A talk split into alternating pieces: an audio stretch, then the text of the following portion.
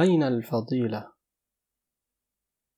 قرأت في بعض الروايات أن فتى قضى حقبة من دهره مولعا بحب فتاة خيالية لم يرها مرة واحدة في حياته، وإنما تخيل في ذهنه صورة ألفها من شتى المحاسن ومتفرقاتها في صور البشر، فلما استقرت في مخيلته تجسمت في عينيه فرآها أحبها حبا ملك عليه قلبه وحال بينه وبين نفسه وذهب به كل مذهب. فأنشأ يفتش عنها بين سمع الأرض وبصرها أعواما طوالا حتى وجدها. لا أستطيع أن أكذب هذه القصة لأني أنا ذلك الفتى بعينه. لا فرق بيني وبينه إلا أنه يسمي ضالته الفتاة وأسميها الفضيلة. وأنه فتش عنها فوجدها وفتشت عنها حتى عييت بأمرها فما وجدت إليها سبيلا. فتشت عن الفضيلة في حوانيت التجار فرأيت التاجر لصا في أثواب بائع. وجدته يبيعني بدينارين ما ثمنه دينار واحد. فعلمت أنه سارق للدينار الثاني. ولو وكل إلي أمر القضاء ما هان علي أن أعاقب لصوص الدراهم وأغفل لصوص الدنانير؟ ما دام كل منهما يسلبني مالي ويتغفلني عنه. أنا لا أنكر على التاجر ربحه ولكن أنكر عليه أن يتناول منه أكثر من الجزاء الذي يستحقه على جهد نفسه في جلب السلعة وبذل راحته في صونها وإحرازها. وكلما أعرف من الفرق بين حلال المال وحرامه أن الأول بدل الجد والعمل والثاني بدل الغش والكذب. فتشت عن الفضيلة في مجالس القضاء. فرأيت أن أعدل القضاة من يحرص الحرص كله على ألا يهفو في تطبيق القانون الذي بين يديه. هفوة يحاسبه عليها من منحه هذا الكرسي الذي يجلس عليه. مخافة أن يسلبه إياه. أما إنصاف المظلوم والضرب على يد الظالم وإراحة الحقوق على أهلها وإنزال العقوبات منازلها من الذنوب فهي عنده ذيول وأذناب لا يأبأ لها ولا يحتفل بشأنها إلا إذا أشرق عليها الكوكب بسعده فمشت مع القانون في طريق واحد مصادفة واتفاقا فإذا اختلفت طريقهما بين يديه حكم بغير ما يعتقد ونطق بغير ما يعلم. ودان البريء وبرأ الجاني فإذا عتب عليه في ذلك عاتب كانت معذرته إليه حكم القانون عليه.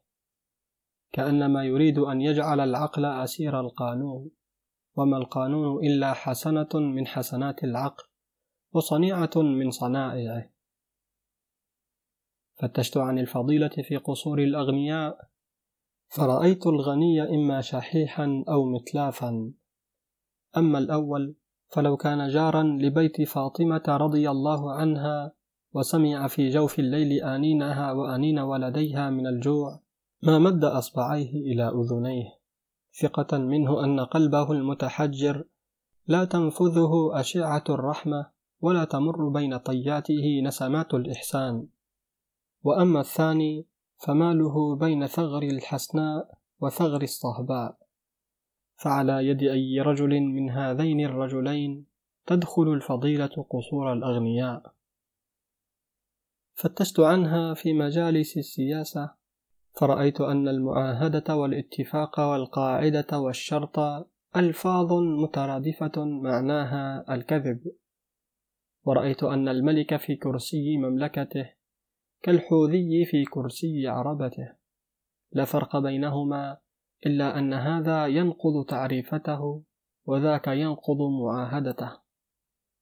ورأيت أن أعدى عدو للإنسان الإنسان وأن كل أمة قد أعدت في مخازنها ومستودعاتها وفي بطون قلاعها وعلى ظهور سفنها وفوق متون طياراتها ما شاء الله أن تعده لأختها من عدد الموت. وأفانين العذاب حتى إذا وقع بينهما الخلاف على حد من الحدود أو لقب من الألقاب لبس الإنسان فروة السبع واتخذ له من تلك العدد الوحشية أظفارا كأظفاره وأنيابا كأنيابه فشحذ الأولى وكشر عن الأخرى. ثم هاجم على ولد أبيه وأمه هجمة لا يعود منها إلا به أو بنفسه التي بين جنبيه. وإنك لو سألت الجنديين المتقاتلين ما خطبكما وما شأنكما وعلام تقتتلان وما هذه الموجدة التي تحملانها بين جنبيكما ومتى ابتدأت الخصومة بينكما وعهدي بكما أنكما ما تعارفتما إلا في الساعة التي اقتتلتما فيها. لعرفت أنهما مخدوعان عن نفسيهما وأنهما ما خرجا من ديارهما إلا ليضعا درة في تاج الملك أو نشانا على صدر القائد. فتشت عنها بين رجال الدين ورجال الصحف. فرأيت أنهما يتجران بالعقول في أسواق الجهل. ورأيت كل منهما قد ثغر له في كل رأس من رؤوس البشر ثغرة ينحدر منها إلى العقول فيفسدها والقلوب فيقتلها ليتوسل بذلك إلى الذخائر فيسرقها والخزائن فيسلبها. هذا باسم السياسة وذاك باسم الدين.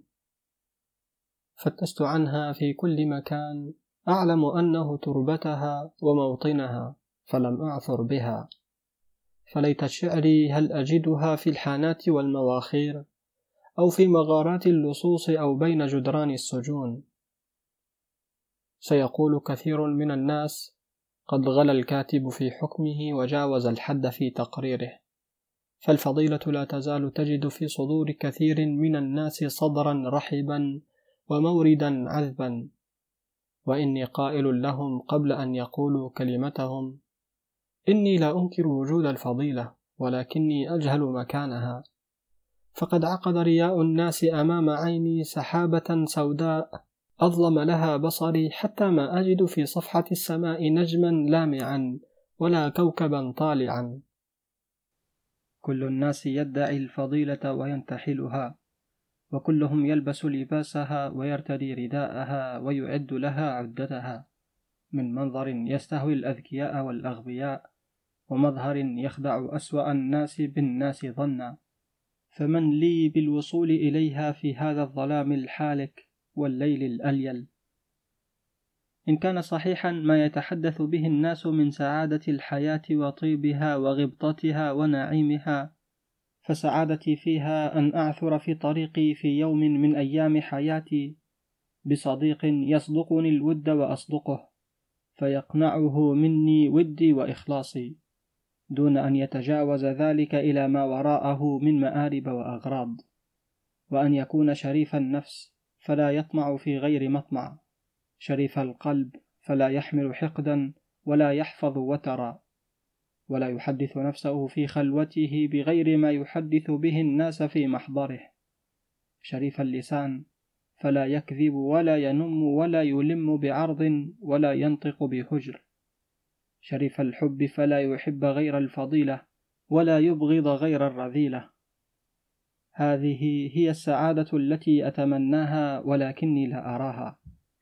إني لأرى الرياض الغناء تهفو أشجارها وترن أطيارها وأرى جداول الماء تنساب بين أنوارها وأزهارها انسياب الأفاعي الرقطاء في الرمال البيضاء. وأرى أنامل النسائم تعبث بمنثورات الأوراق عبث الهوى بألباب العشاق وأسمع ما بين صفير البلابل وخرير الجداول نغمات شاجية تبلغ من نفس الإنسان ما لا تبلغ أوتار العيدان. فلا يسرني منها منظر ولا يطربني مسمع لأني لا أرى بين هذه المشاهد التي أراها ضالتي التي أنشدها. لقد سمج وجه الرذيلة في عيني وثقل حديثها في مسمعي حتى أصبحت أتمنى أن أعيش بلا قلب فلا أشعر بخير الحياة وشرها وسرورها وحزنها.